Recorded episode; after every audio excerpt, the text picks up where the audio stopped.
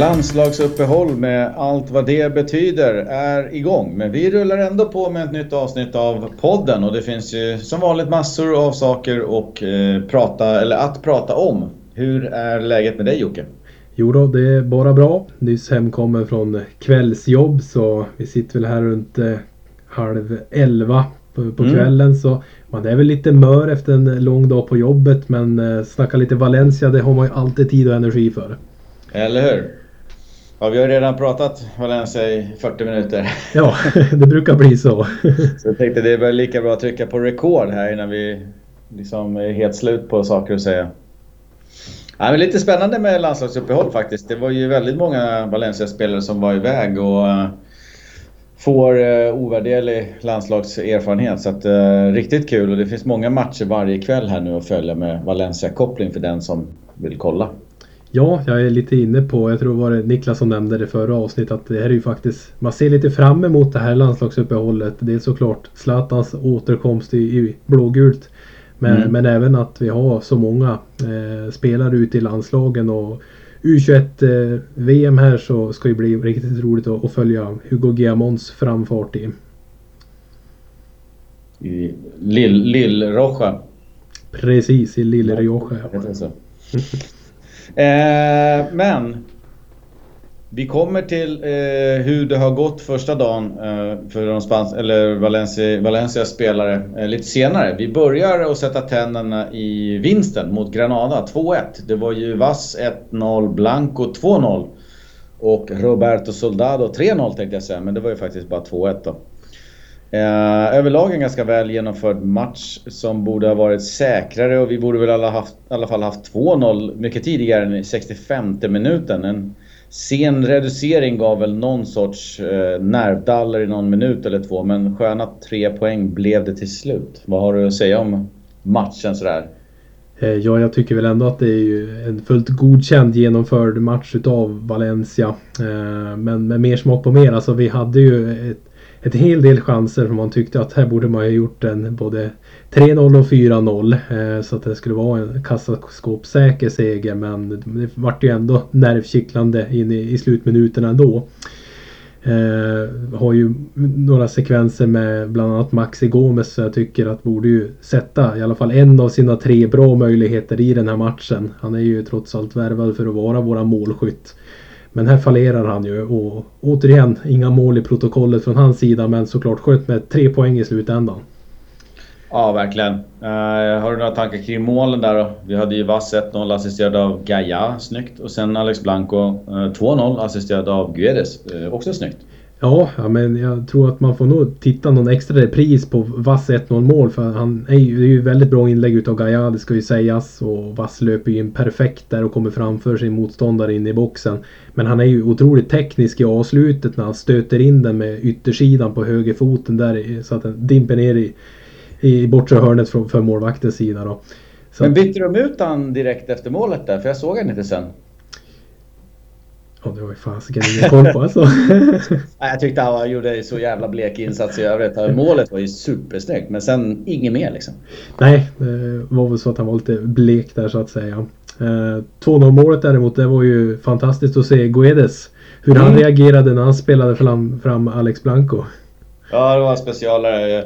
Pratade om det innan här. att Guedes kommer ju springandes på, centralt på planen och ser Blanco något till vänster och, och lägger en, en perfekt passning. Riktigt snygg passning. Men när passningen är lagd och han ser att den här kommer gå, den här kommer gå till Blanco, han kommer ren. Då går Guedes ner på knä och börjar be. Han följer inte med för att ta en retur eller följer med för att liksom fortsätta anfalla. Han, han faller ner på knä och bara hoppas, hoppas, hoppas att han sätter. Och så blir det mål. Då blir han jätteglad. Men nej, jag tror aldrig jag sett en spelare så tidigt, så långt ifrån liksom avslutet på mål eh, gå ner på knä och bara... Vad säger det om Blanco eller Guedes? Ja, vad säger du om Blanco egentligen? Nej, men han gör ju ett otroligt bra förarbete fram till det här målet. Och, ja, sen ja. när han drar iväg den, den här mackan fram till Alex Blanco. Det är ju inte så att han bara kan stöta in bollen i öppet mål. Det är ganska mycket kvar att göra innan mm. han har bollen i nät också. Så det förvånar mig ändå att han går ner på knä och verkligen ber till högre makter att för guds skull Alex Blanco sätt den här nu. Eh, så ja, det var ju riktigt roligt att se faktiskt. Eh, det var ju som att det betydde lite extra det här för honom också. Att få komma tillbaka och göra en bra match återigen. Ja, verkligen. Det är den Gedes som det har pratats i spansk eh, och valenciansk media nu i veckan att eh, med den Gedes på planen, liksom i den formen och med, den, med det spelsuget som han visar upp nu så då är det ju ett annat Valencia. Då har vi ett offensivt hot eh, som är av ja, högsta La Liga-klass kan vi väl sansa oss med att säga. Eh, men med, väldigt hög klass i alla fall. Uh, och det är inte alltid man får det från Gedes. Men, men, nu mot Granada så absolut. Uh, jättekul att se karln. Ja, men hoppas att det här kan bli en nytändning för honom. Uh, visst målet han gjorde i förra, förra matchen liksom var ju viktigt och när han hyschade åt oss. Mm. Uh, och sen att få komma in och göra den här insatsen nu mot Granada så hoppas man ju verkligen att det, det lyfter på för honom nu i, i slutet på säsongen. Det, det, man alltid har saknat med Guedes det är ju den här kontinuiteten liksom. Mm. Visst vi hade det ju under låneperioden i hans första session i klubben. Men eh, ända sedan han köptes loss har han ju varit extremt ojämn och, och den här säsongen är ju inget undantag. Eh, kanske att han verkligen har nått botten också den här säsongen. Ja, han har fler bottennoteringar och de här riktiga topparna har ju eh, lyst med sin frånvaro. Men eh, bra, bra match ändå. Ja. Jag gillade det jag såg och tycker att eh, kan vi ha en GDC i den formen så, så är det ett klart steg framåt mot uh, den jag såg här för någon vecka sedan satt och käkade chips på bänken. Ja, absolut. Det, var ju, det är ju den här Guedes som vi var inne på tidigare. Det var den här Guedes vi, vi köpte till oss för de här mm. 40 miljoner eurona. Så att uh, han ska ju vara en, en betydande och ledande roll i Valencia-laget. Ja. Sen hade vi ju kollade på super och, och sådär. Mittbacksparet i Valencia fick ju ganska höga betyg och jag tycker de eh, gör ju en bra match, Diakabi och eh, Gabriel, matchen igenom. Eh, det fanns lite chanser för Granada då och då, men jag tyckte att liksom, det kändes väldigt stabilt. Det var aldrig så att det darrade riktigt, enligt mig. Men visst fan är Diakabi ute och cyklar och snurrar lite på baklängesmålet. Han kunde inte hålla fingrarna borta från ett misstag. Nej, och jag såg det ju inte live så att säga. hans positioneringsmisstag när det här målet dyker upp.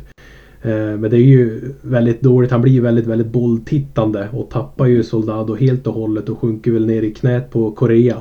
Mm. Eh, I samband med det här målet så det här ska ju han ta på sig alla dagar i veckan. Att han i alla fall kommer så här ren. Eh, mm. Sen kanske han skulle gjort mål ändå så att säga med de här älgbenen så man kan skjuta under. Men jag tycker absolut att han borde gjort mycket bättre i situationen. Ja, jag noterade det. Jag tänkte, hur, hur fan gick det där till? Jag var tvungen att spola tillbaks och så kollar man ju där att Korea markerar ju den killen som passar fram Soldado. Men som du säger, Diakabi blir bolltittande och följer med hela vägen. Så står de ju två personer där, Korea och, och Diakabi bredvid den här killen som sen nickar fram en ren Soldado som Diakabi hade innan han släppte markeringen och, och började följa bollen. Ja, han behöver ju bara stöta fram den till en fristående Soldado. Han gör ju inga misstag från med det där läget eh, som gammal måltjuv. Nej, han vet väl hur en eh, slipsten eh, ska dras där. Vad tyckte du annars om bytena? Vi hade en vass som gick ut, in kom Yunus uh, Musa, vi hade eh, Kangin Lin uh, kom in istället för Alex Blanco på slutet. Sen Manu Vallejo fick någon minut. Det var inte så mycket byten och annat som rörde kring det. Men vad tyckte du om startuppställningen och bytena? Nej men jag tycker väl ändå att man sätter väl det, det vassaste gänget vi har att tillgå på banan. Det är väl mm. det är svårt att... Och, och, så här på förhand då tänkte man ju vad gör Vass och Blanco på plan? Uh, men nu gör ju båda de mål. Så att jag kan ju inte säga att det var fel att spela med de två. Eh, men annars tycker jag väl att Kang Lee eh, visar ju liksom att han har kvaliteter för att starta. Det är otroligt egentligen att Alex Blanco går före honom i en mm. ytterposition också. Även fast han har spelat mycket forward nu, Kang Lee, på senaste tiden. Det var det jag var ute efter. Ska vi formulera om frågan? Vad tycker du om att Alex Blanco startade framför Kang Lee? Det var egentligen det som var det enda som stack ut. Ja, nej, men det är, det är ju horribelt. Uh, mm. Om man går tillbaka sen tidigare, ja men när Guedes var förvisad till bänken och både Jonas Mossa och Alex Blanco och Kang Lee gick före Guedes. Mm. Nu har vi då petat upp Guedes eh, på topp då tillsammans med Maxi Gomes i den här matchen. Så på så vis också förvisar Kangeli till bänken och Alex Blanco, han är kvar. ja. Han är kvar på banan och spelar likt förbannat. Och jag har så svårt att förstå, även fast Alex Blanco, vi ska inte ta det ifrån honom, han gör en jättebra match i sin helhet. Men eh, så här på förhand, alltså jag förstår inte hur han tänker, vår kära Javi Gracia i det här fallet. Men att ha en sån här talangfull kvalitativ spelare som Kangeli som vi har sett att han bidrar extremt mycket i den offensiva tredjedelen till laget. Visar ju inte minst den här statistiken vi bollade upp för ett par avsnitt sedan. Hur många av vinsterna som han har deltagit i. Mm. Och hur viktig ändå han har varit eh, på planen. Så det är för mig en gåta vad Alex Blanco gör på plan. Ja men lite så. Det var ju känslan som man fick att Kangeli hade gjort det så bra. Och ska man ändå peta... Eh, peta och peta, men ska man ändå lämna Vallejo på bänken och, och Cutrone på bänken och, och, flytta upp Gedes, ja men då är det väl nästan kände som självklart att Kangeli ska spela där. Jag tror också att Kangeli själv tyckte att det var ganska självklart att han skulle spela och, och det första jag skrev till er var att det där var nog sista droppen. Nu drar han. Jag tror inte att han tar det här längre. Alltså, den dagen Alex Blanco går före honom i en match där det liksom finns en uppenbar plats för honom. Uh, så, så tror jag att då, då har han fattat var, ha, vart i hackordningen han finns. Mm. Vilka chanser han har att få speltid och så vidare. och så vidare. Så jag vet inte. Uh, det, det, kändes bara som uh, ur Kangelis synpunkt väldigt nattsvart att se Blanco gå in före honom. Det finns ju ingen logik heller i den här rangordningen som du är inne på. I vilken hackordning som spelarna befinner sig i. Som, vi näm som du nämnde att Kangeli har ju gjort det bra. Han har ju fått mycket beröm och, och spelat bra på senaste tiden. Men liksom förbannat mm. är han petad då i förmån med Alex Blanco. Och Alex Blanco petar Guedes och nu petar Guedes Kangeli tydligen på topp. Så det finns liksom ingen logik i det hela heller från Javier Gracias sida i det här. Hur, hur ska han ha det egentligen? Nej, och då kan man säga att eh, Alex Blanco gjorde mål nu och jag tycker ändå Alex Blanco gör sin bästa match i Valencia-tröjan som jag har sett. Uh, den, den, är, den är klart godkänd och den är till och med bra. Men innan det här så har jag ju bara sett skräp från honom. Ja. Så han har ju verkligen inte spelat till sig platsen på något sätt. Utan han får den på skänks och sen gör han det bra i den här matchen. Medan Kangin Lee tycker jag har spelat till sig platsen på alla sätt och vis framför Alex Blanco. Ja, jag tycker inte det ska vara någon diskussion av eh, hans vara eller icke vara i startelvan för Kangin Lees del. Det, det, är bara märkligt. Men här visar han ju lite Real Zaragoza eh, takter i alla fall, Alex Blanco. Han var ju väldigt fin där i segundan i alla fall när han var utlånad där senast. Men såklart, det är ju roligt att en egen produkt får göra mål och hoppas att han kan lyftas utav det här. Mm. Alex Blanco från Benidorm. Exakt. Så lite halv local boy i alla fall. Då. Jag, jag unnar honom det, men jag, jag, jag är lite uppfattningen att han inte är tillräckligt bra för ett normalt Valencia och inte tillräckligt bra för ett så här liksom Valencia anno 2021 heller. Så, att, så att det, det, är lite det som är frustrerande att se medan man har då en diamant i Kang Lee som man verkligen hoppas på. Men ge Karn chansen och nu när han har fått upp momentum så måste vi rida på det. Så bara, nej. Nej, och, och som tidigare har vi ju pratat om Manu Vallejo också liksom att han ska ju få fler minuter, fler chanser eh, i och med att han har ju gjort det bra när han har spelat och, gjort mål också när han har väl fått chansen. Det är ju samma visa där. Han är också förvisad till bänken. Visst, nu får han ju hoppa in här men ja, ja det är underliga laguttagningar från Javi Gracias sida och konstigt hur han formerar laget från match till match här. Det verkar inte spela någon roll vad man gör på planen. Nej, han är väl dead man walking till sig men på eget bevåg också. Men vi kan väl ändå säga som så att eh, 2-1. Otroligt viktiga tre poäng som det alltid är. Eh, det känns lite tjatigt ibland med det. Men, men eh, nu finns det åtminstone lite säker mark i tabellen. Det är 10 pinnar ner till eh, Eibar som är under strecket. Och eh, det känns som att det ska inte gå att åka ur nu, eh, vilket är skönt. Dessutom så såg jag att Super Deporte eh, nere i Valencia där gick ut med en liten artikel som sa att nu går sista tåget till Europa League-platserna. Eh, och dit upp är det 12 poäng, eh, väldigt långt. Men det är som sagt 10 omgångar kvar. Så att, eh, kan, man, kan man liksom sätta ihop en racka på, på fyra segrar på fem matcher så har man nog slagläge inför de sista fem matcherna. Ja, det ska Men det man allt. Jag, jag vågar, till och med jag vågar väl tro nu att det kommer inte bli någon nedflyttning i alla fall. Nej, så, så tror jag också. Det ska mycket till.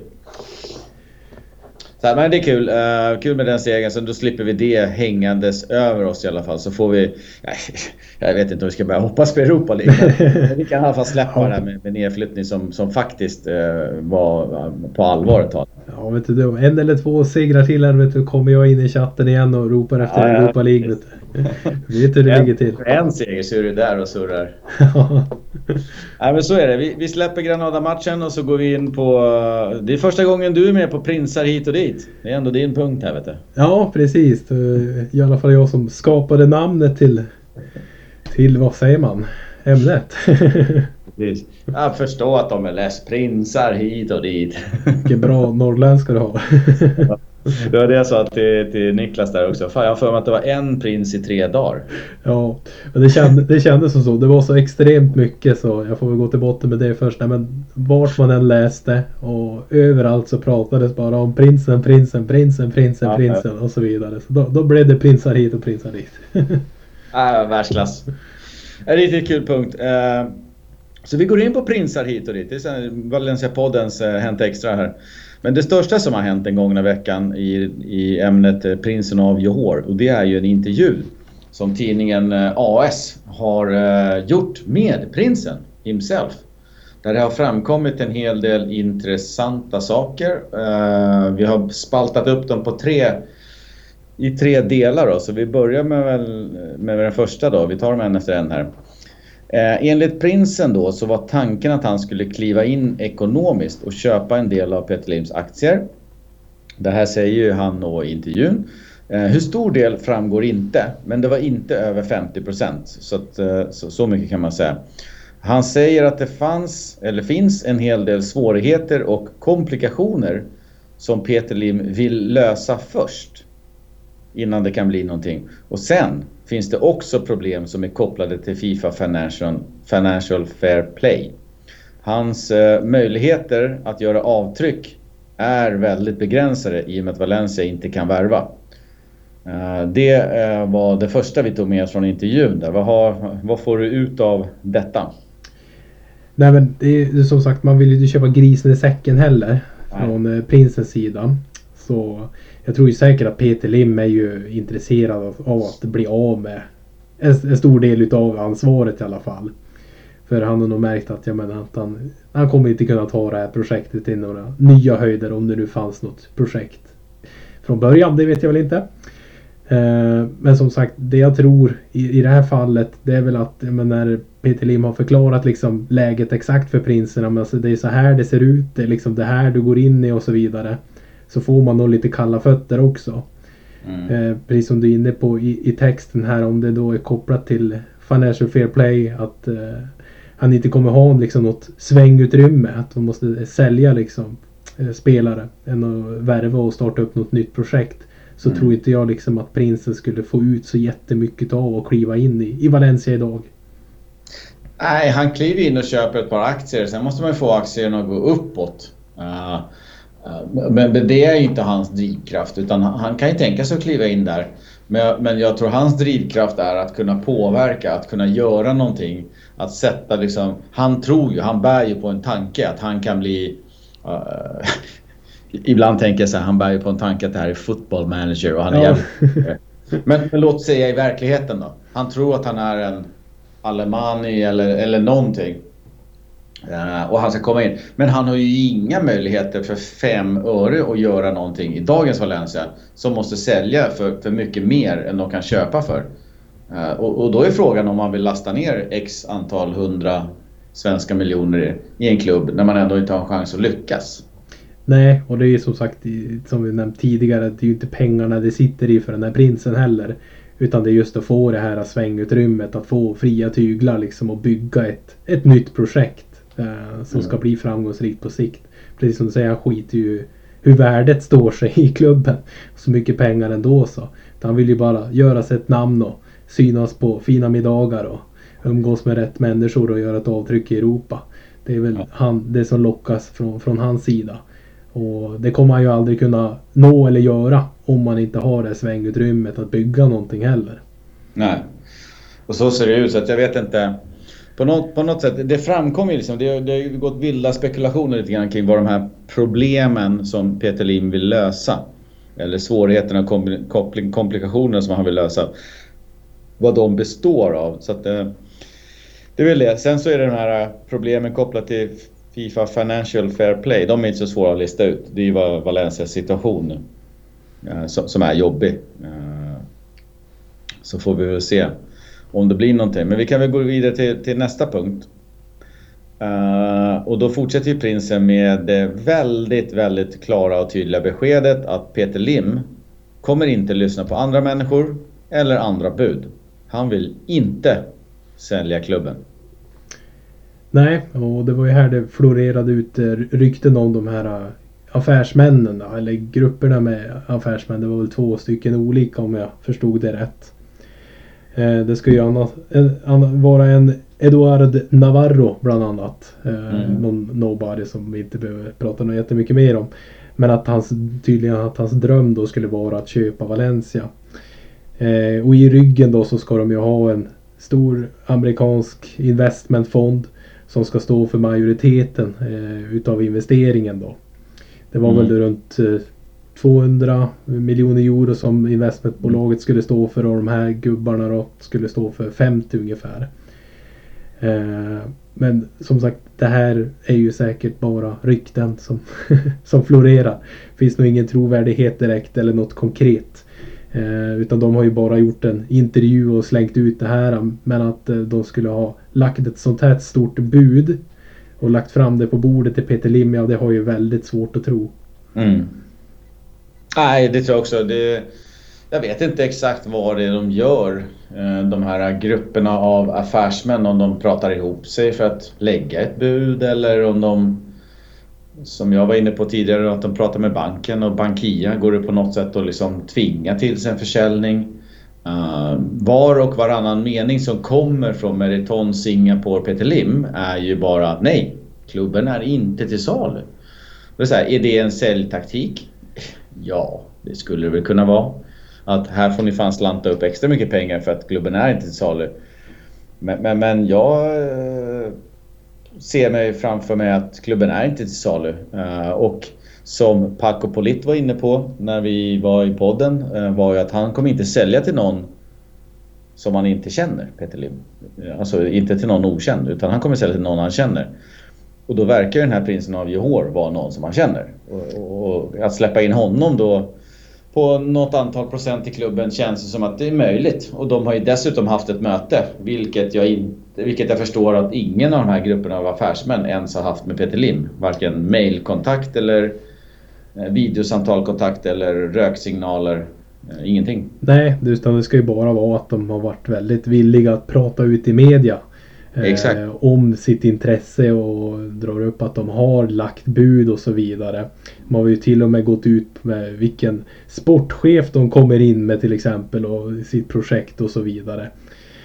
Eh, men jag tror inte att det finns någon som helst trovärdighet i att de skulle ha lagt det här budet till Peter Lim. Eh, så här mycket pengar. Vad var det vi sa innan där? Man smsar inte eller lägger ut en instastory eller dylikt. Och att man har lagt ett bud på 244 miljoner euro. Nej. På en klubb utan det känns det ju som att man har faktiskt ett eh, möte öga med öga. När man pratar. Ja, då sätter man sig ner om ja. man ska förmedla ett bud i den, den storlekskategorin. Så är ju känslan i alla fall. Ja, det håller jag med dig helt och hållet om. Så att eh, vi får se. Men, men eh, prinsen var väldigt tydlig eh, och, och liksom klev fram och sa verkligen att nej, men han kommer inte prata med andra människor och han kommer inte lyssna på andra bud. Eh, det var väldigt klart och tydligt. Den sista grejen som vi tog med där då Eh, var att prinsen säger ju att operationen nu för tillfället är stoppat. Och då eh, inte pausat utan stoppat. Eh, ett inträde i juni som han då hade trott på och gick ut lite för tidigt med kan man säga i efter, efterhand. Eh, det blir däremot väldigt svårt om inte omöjligt. Men han har fortfarande kvar sina förhoppningar om att Lim löser problemen som han nämnde där. Eh, att han löser dem inom kort Eh, han säger också att han rekommenderar Peter Lim att lämna de sportsliga delarna till honom. Eh, så att han kan sköta dem och så att Peter bara är en liksom silent partner på något sätt. Eh, lite så här Låt mig ta hand om det dagliga nere i Valencia. Det där kan jag från min tid i Johor FC. Det var hans budskap. Det, historien förtäljer ju inte hur det föll ut hos Peter Lim utan det fastnade på de här problemen. Men vad tänker vi om att... Nu försvann du här. Ja, eh, vad tänker du om att operationen är stoppat? Ja, jo, jo alltså det, det är såklart när det blir de här komplikationerna eh, och när prinsen kanske inte såg verkligheten i dagens Valencia hur så pass illa som det är så förstår man ju honom. Mm. Eh, och, och, att Peter Lim till exempel som eh, att han blev då rekommenderad att lämna över det sportsliga till honom. Det var väl lite det man förutspådde också.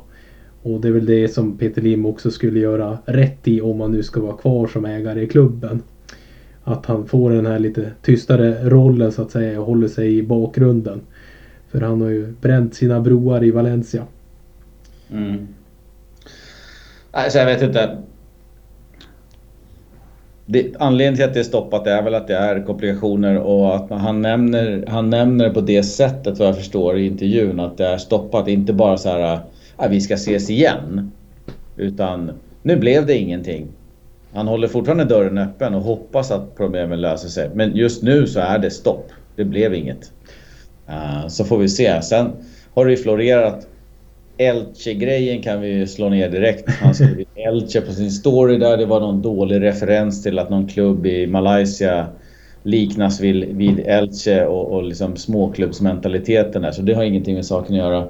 Sen var det ju snack om att han skulle köpa in sig i United. Eventuellt några aktier, men det är också Alltså minoritetsägare tänkte jag säga, men med, ganska lite pengar i sammanhanget. Jag tror att han, han är nog ute efter att bli sportchef på något sätt i någon klubb. Och hans bästa chans just nu är ju Valencia. Så får vi se. Jag vet inte om han tar vilken klubb som helst.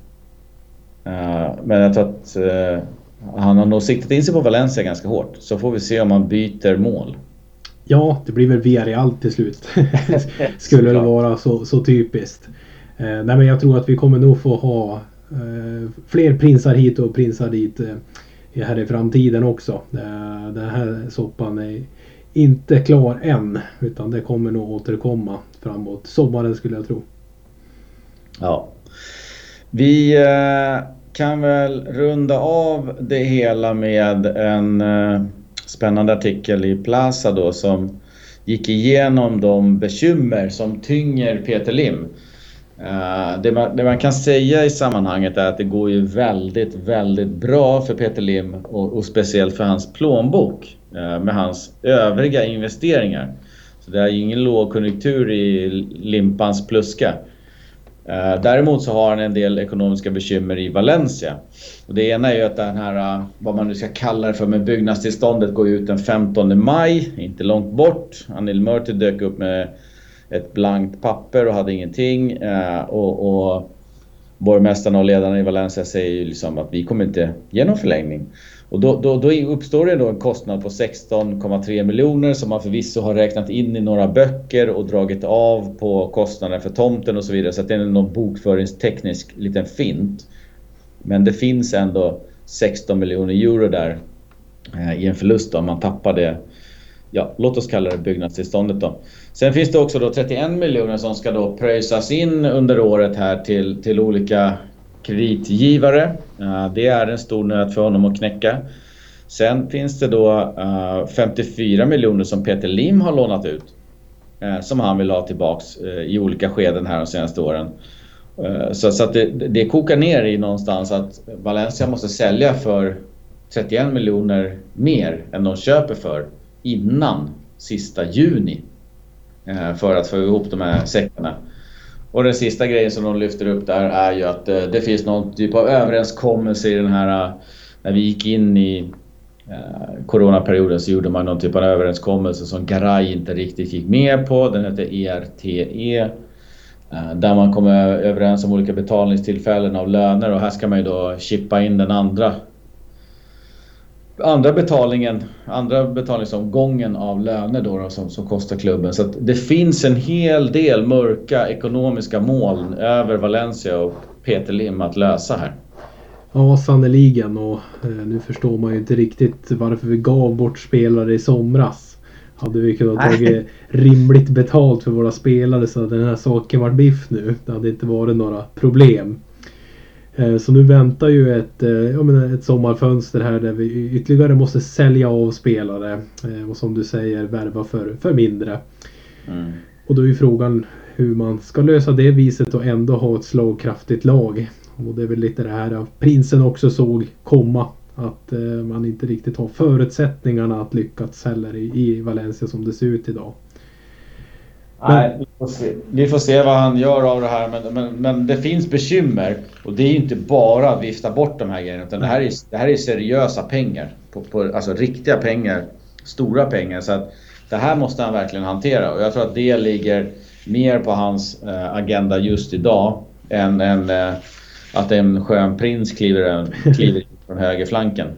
Ja, nej, men prioritet för Peter Lim är ju att uh, lösa detta uh, och ändå liksom ha en båt som flyter efter sommarens fönster. Mm. Och därefter kanske då ja, men, försöka göra klubben så, så bra som möjligt och så högt värde som möjligt på klubben. Och därefter då ta det här steget att släppa över ansvaret till prinsen i framtiden. Då. Ja. Det är väl vad jag ser det spåkulan kanske i alla fall. Ja, men så är det. Eh, vi släpper väl prinsar hit och dit. Går in på nästa ny segment som är nyheter. Och eh, lite kul nyhet måste jag säga. Sånt här friskar upp. Robin Olsen ska enligt en spansk eh, sajt vara aktuell för Valencia. Väldigt lösryckt, det är mitt i säsongen och så vidare. och så vidare.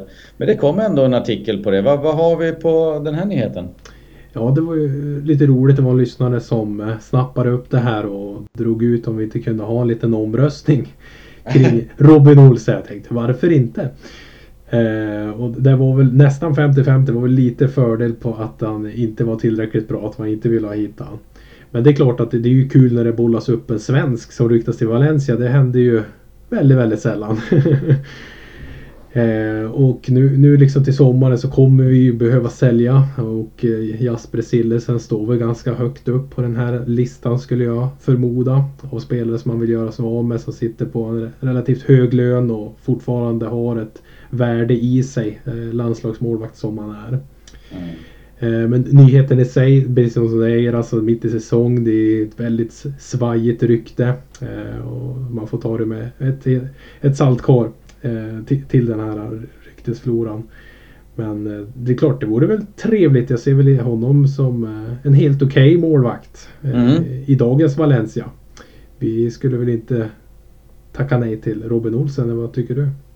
Nej, det, det, tycker jag inte. Vi får ju återigen ha i åtanke liksom den normala Valencia och det Valencia som, ja. som vi vill ha. Det är ju en annan. Där tycker jag inte Robin Olsen passar. Men nu har vi ett Valencia som går in i ett eh, eh, sommarfönster där vi behöver kränga seriöst med spelare. Vi behöver liksom eh, inte kränga spelare för 31 miljoner utan vi behöver kränga spelare för 45-50 miljoner för att också kunna värva någonting som kommer in istället för dem. Eh, och med den budgeten så har vi liksom inte råd med, med, med någon ny Sillesen, holländska landslagsmålvakten och så vidare. Eh, och med, med de glajjorna på så känner jag så här, nej men då är inte Robin Olsen så illa pinkat. Nej, och Sen är det inte så här, jo han är 13 hack bättre än Schaume. Nej, det är väl en målvakt som i sin, sina bästa stunder petar Schaume, men det kan lika gärna bli att Schaume petar honom. Kan jag tycka. Eh, så. Men, men det är tyvärr där vi befinner oss. Ja, och, alltså, ingen missförstår mig. Det är ju med de Valencia-glajjorna som du säger som jag ser den här situationen på också. Eh, här pratades det ju om ungefär 2,5 miljoner euro då. Som Robin Olsen skulle kosta. Och det, det är ju liksom en bra, bra prislapp på en hyfsad kvalitativ målvakt. Eh, nu har han väl kontrakt till 2023 tror jag eh, vi såg där med Roma. Och är ju utlånad till Everton och även i brittisk press har ju uttryckt sin, uttryckt sin önskan om att eh, han ska bli kvar i Everton också. Mm. Eh, och blir det en dragkamp mellan Everton och Valencia då har vi nog väldigt svårt att hänga med i dagens ekonomiska situation. Ja, jag tror att han säkert har en lön i, i Premier League. Han är väl tvåa bakom Pickford där va, som är landslagsmålis. Eh, så, så, Pickford har väl en, såklart bättre lön än, än eh, Robin Olsen. Men jag tror att Robin Olsen också har en, betydligt bättre lön än Schaume till exempel. Så att vi får se vad vi har att erbjuda men jag kittlas lite av tanken. Det vore kul att se en svensk. Eh, och, och så jäkla dålig är han inte. Nej, det, det är han ju inte. Utan han har ju visat både ja, i, i, landslaget eh, och eh, i stunden han hade i Roma där delvis. Och även nu i Everton har han fått chansen att han har varit bra ju. Så att det, det känns som ett väldigt säkert kort. Du vet vad du köper när du köper Robin Olsen. Det är lite så jag ser på saken. Ja, och jag tycker han fick lite oförtjänt stryk där i lite så halvturbulent Roma. Alltså, de släppte in fem mål någon match. Så, ja, visst, han står i mål och han släpper in fem mål. Men det var ju rena rama jävla svängdörrarna i backlinjen så man kunde inte lasta alla mål på honom. Men det var ändå så här Robin Olsen hit och Robin Olsen dit och nu går det dåligt så, så skickar man han därifrån. Ja. Då hade han säsongen innan gjort liksom, verkligen spelat till sig en plats kände jag som att så jag vet inte. Lite det här samma som Victor Nilsson Lindelöf genomlider i United. Så fort det går dåligt och de förlorar, då är det hans fel. Ja, ja men, men lite så. Äh, den andra backen där, äh, Maguire. Han går ju skuldfri hela tiden. det spelar ingen roll vad han gör. lite så kände jag med Robin Olsen i Roma och sådär. Så att, äh, mm, men det är väl jag. Jo, hade han varit, haft en annan nationalitet, hade han varit engelsman istället så då hade de ju inte snackat på det viset där borta. Nej. Så vi får se. Väldigt lösryckt eh, rykte. Men eftersom vi ändå har silly season-experten med oss så, så, tog vi upp den och eh, vi bollar väl vidare på samma spår här. Valencia ska enligt uppgift ha varit intresserade av en Julian Alvarez som spelar i Los Millonarios River Plate i Buenos Aires, Argentina. Och fin presentation av spelaren. han skapade ju rubriker under Generation Adidas Cup. Eh, mm. när han var där då med River Plates ungdomslag som tonåring. Och där blev han också utsedd till turneringens bästa spelare. Där och då, då var han 16-17 och då fick ju Real Madrid upp ögonen för den här spelaren. Men det föll på hans unga ålder. Att man inte fick plocka över honom då. Han är ju argentinare. Eh, och sedan dess har han ju utvecklats och tagit steg liksom i River Plate och blir ju allt mer en ordinarie pusselbit där borta. Eh, och det man kunde läsa till han beskrivs som en, en kvick ytterforward med ett sinne för att hitta både assist och en del mål. Och eh, han är ju ordinarie också i Argentinas U23-landslag. Och har ju mm. klättrat också genom U17 och U19-landslaget där borta. Eh, han har ett kontrakt till december 2022 och eh, prislappen som det snackas kring är 10 till 12 miljoner euro. Och idag så är han ju 21 år gammal så det är ju ingen det är ingen som är till åldern kommen utan här finns det ju gott om potential och det är både Atletico och Juventus eh, ryckte ju i honom i sommarfönstret också men med allt med Corona och alltihopa så, så föll det där så blev han kvar där borta i Argentina. Mm. Men det, det, tycks ju vara en spännande spelare. Det finns ju lite Youtube-videos man kan kika in på. Fint kvick liksom med bra teknik. Ja, jag reagerade på att han kom till River Plates A-lag där efter att det har ryckts eh, åt olika håll i kan eh, och har ju då på tre år 19 matcher. Eh, väldigt ung då, då, men han har inte riktigt slagits in i, i A-laget på, på så sätt. Och lite dåligt med speltid sådär. Att han ändå håller den höga prislappen tycker jag är anmärkningsvärt och skvallrar väl om att det finns en, finns en talang som är väldigt hög i kan. Så vi får se. 10 till 12 miljoner euro låter ju utanför Valencias radar idag också. Så att den, den måste nog ner på 5 innan det ska bli aktuellt. Ja, det får väl bli något tvåårslån då med någon klausul eller dylikt här. Nej, men det var kul, kul att höra lite ett rykte där från uh, River Plate. Uh, vi kan väl runda av uh, silly season-grejerna här med ett litet snack som dök upp förra veckan en spelare som man hade glömt bort på, på alla sätt. Så där, vad fan lever karln liksom, tänkte jag då. Men Rodrigo de Paul spelade för oss ungefär för 57 år sedan där. Gjorde väl en 30 matcher eller någonting på några år. Uh, varför är han just nu lite extra intressant för oss som klubb? Ja, när, vi sålde iväg honom till Italien och uh, Udinese är det väl som han uh, håller till i. Så har vi ju en klausul där då. Mm. Och den här ska ju då variera lite granna. Eh, nu är det ju just Real Madrid som är intresserade utav hans tjänster. Och då skulle den väl ligga där på runt eh, 5-6 miljoner euro. Eh, där, kring de trakterna som skulle gå till Valencia då, om man skulle signa på för dem. Och sen var det lite mindre ifall han skulle gå till någon, någon annan land, land, typ England eller stanna kvar i Italien och gå till någon större klubb så var det någon lite mindre summa som skulle komma in till oss. Och det hade ju inte varit fy skam att få in lite extra deg sådär. Då, då blir nog Peter Lim glad. Ja, nu, det, det är ju mitt i stängda fönster så att det finns liksom ingen värvning nära förestående så. Eh, det var ju med att Real Madrid-ryktet där dök upp och, och, en prislapp på 20, vad det nu var, miljoner dök upp och man tänkte att ah, jäklar, då, då, kan det bli si och så mycket. Sen, sen är det ju jättelångt bort för att se vart han sen till slut hamnar. Men det är ju en kille som har gjort eh, jättesuccé där borta.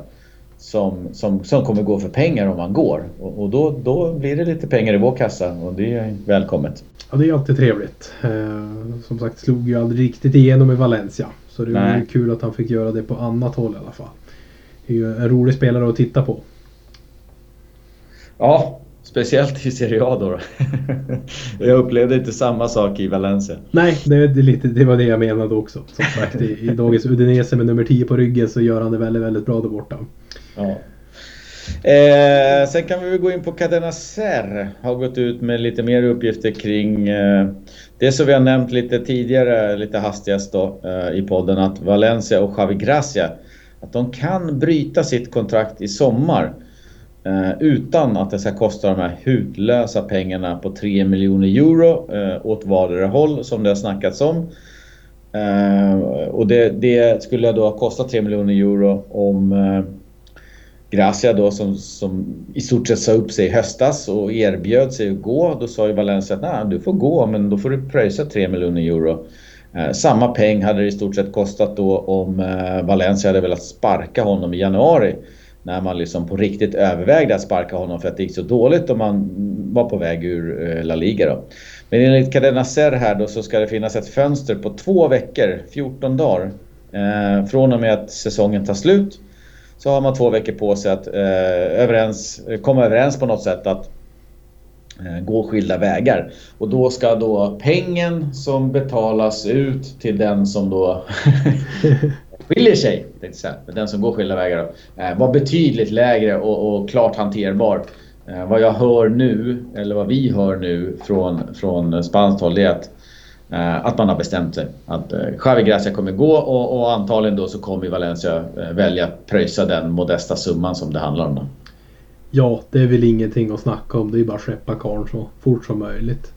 Eh, nu är man ju extremt trött på, på att se han där på bänken eh, och leda det här eh, laget i citationstecken.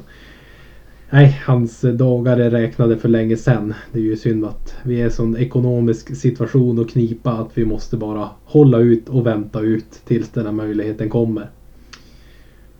Ja, och om man tänker så här då. Jag, jag är med på tåget för han skickar karln. Men om du fick skicka honom och ta in Selades, skulle du vilja behålla Xavi eller ta in Selades? Ja, det är fan tagit in Selades nu alltså. så illa alltså? Ja, så illa är det nu. Nej, jag hade väl tagit Voro om man fick önska resten av säsongen. Om man hade möjlighet att skicka ut honom nu. Bara få bort hans tryne liksom från, från den här ledningen och från tränarbänken. Eh, annars ta in den här assisterande tränaren som vi pratat gott om tidigare i alla fall. Men han lär väl följa ja, med. Sigurd Aranalde. Precis! Ja, fin kille det hörru du. Nej, men han lär ju följa med Javi Gracias tåg när det lämnar perrongen på Valencia till sommaren. Så han har vi nog sett för sista gången också i Valencia. Eh, ja. Men hade möjligheten funnits att man kunde skeppa honom nu och ha en Voro eller dylikt resten av säsongen hade jag tagit det alla dagar i veckan.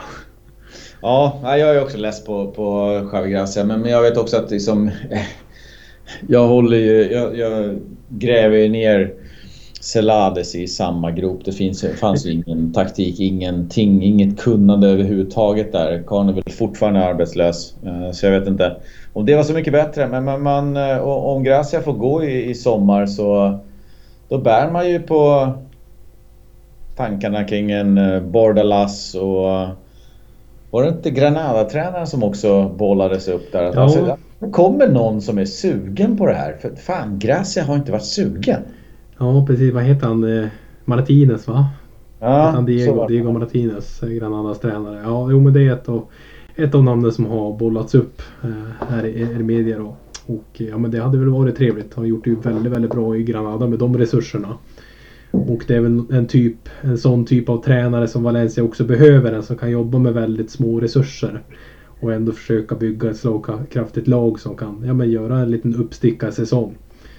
Och det är väl just... Ja, då är det kul. Ja, då är det kul plötsligt. Och det är väl precis det Peter Lim behöver att Valencia gör också efter man kanske har sålt av någon spelare till i sommar. Och reducerat truppen ännu mer att få in en sån gubbe som kan ja, men lyfta laget hyfsat i alla fall. Göra det bästa utav det som finns att tillgå. Och kanske försöka ta och knipa en Europaplats. Ja, nu spekulerar jag bara. Men det är väl just det som Peter Lim också behöver göra för att kunna sälja klubben. Mm. Och få upp värdet på den. Nej, så är det.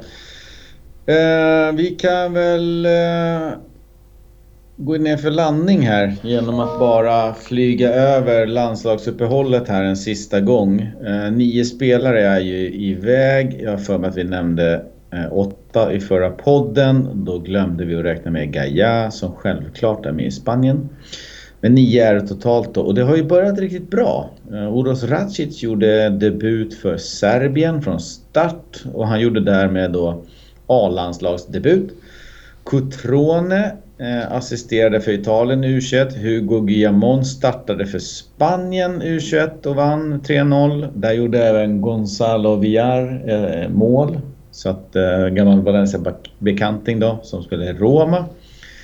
Men tyvärr gick Sillisen sönder på uppvärmning och fick kliva av minuterna innan start då för Holland. Inget officiellt från Orange än eh, på hur allvarlig skadan är. Vad har vi? Ska tankar kring eh, första landslagsdagen? Ja men det är väl roligt att se, förutom Sillesen här då, vi kommer väl in på det lite senare här. Det är roligt att se Oros Rasic till exempel att han får starta i, sin första tur liksom med A-landslaget. Eh, och även Valencia bekanting som byttes in istället för honom, Nemanja Maximovic. Fick ju komma in när han eh, avgick då i andra halvlek. Eh, Cutrone, det är ju jätteroligt att han får göra ett poäng för sitt, eh, var det U, U23? U21. Italien. Ja. Så då lossnar det väl kanske lite grann där då, vem vet. Eh, och så Hugo Guillamont ska ju ha gjort enligt rapporten, jag har inte sett matchen men ska ha gjort enligt rapporten i alla fall en solid insats eh, som vanligt eh, för, för sitt Spanien. Eh, just gällande Sillesen, där har man ju försökt att hitta uppgifter nu när vi skulle prata om det. Om det hade funnits några rörliga bilder eller dylikt. Men jag har inte hittat någonting i alla fall. Så det är svårt att säga hur allvarligt det ska vara. Men att då att eh, matchen då som kommer, Cadiz borta om två veckor, kan ju vara då i fara för honom. Och då får väl Jaume rycka in igen. Mm. Nej, så, så lär det bli. Kollar man på schemat så är det Cadiz eh, om ja, den 4 april. Vad är det då? 10 dagar ungefär. Mm. Sen har vi Sociedad sju dagar efter det och ytterligare 10 dagar efter det så är det Osasuna borta. Så det är så halvknepigt schema. Det är inte top of the tops liksom men, men ändå. Sen är Alaves hemma ska ju vara enkla tre. Sen är Betis borta brukar vi väl klara av va? får, väl, får väl se där om Guedes har vässat släggan till dess. Brukar ju ja. göra mål mot Betis i alla fall. Nej men Cadiz borta, ja. Sociedad hemma, Osasuna borta, Alaves hemma, Betis borta. Där ska ju kontraktet vara säkrat på ja. de fem. Absolut. Som sagt, Cadiz ska man ju slå utan, utan problem. Det ska ju inte vara någon diskussion om saken och, och möta Vallejos gamla klubb där nere i södra Spanien. Eh, Sociedad är ju där liksom som man kanske kan acceptera noll poäng. Eh, ser, ju, ser ju bra ut där med Isak på topp. Men eh, som du säger, annars är det ju ganska svagt där med Osasuna, Alaves. Eh, där ska ju i alla fall en 3-4 poäng in på de två matcherna. Ja, så är det. Men men, eh, vi har nog kommit till vägs ände vad det gäller eh, Valencia, nyheter och eh, podden eh, så här långt. Det är ju inte supermycket nyheter så när det är landslagsuppehåll. Men vi vill, vill ändå komma ut med ett avsnitt så här och rapportera det vi har sett eh, där nere. Uh, jag tror att vi ämnar att komma ut med ett avsnitt nästa vecka också. Då har vi en match att snacka upp och så kan vi snacka om en hel del som har hänt då under det här landslagsbreaket. Och det brukar ju puttra igång lite nyheter så här när, när landslagsuppehållet går mot sitt slut. Som, som det gör eh, torsdag nästa vecka då. Det blir mycket trevligt då. Hoppas att vi hörs igen då. Nästa. Ja, vi får se. Vi har ju ett, ett nytt sånt där rotation. Rotaciones de Valencia-podden. jag satte ett rotationsprogram här. Så vi får se vilka som eh, hamnar på bänken och vilka som blir uttagna i startelvan. Ja, jag, är väl, jag ska väl säga så att jag är väl inte i min vassaste form så här eh, halv tolv när man har jobbat kväll. Så att jag hoppas att det blir hyfsat. Ja, men det tycker jag. Du var ju värsta spjutspetsen här med analyser och instick kring eh, argentinska no-name 21-åringar. ja men det är ju så, man måste kolla upp sånt där. Nej, men stort tack för ikväll Jocke, alltid lika kul. Hoppas ni lyssnare tyckte detsamma. Så uh, kör vi ett hasta luego. Bra ändå i alla fall.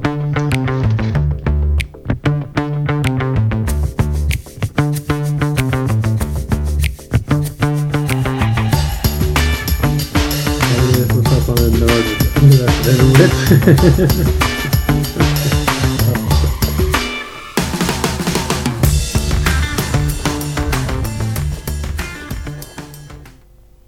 luego.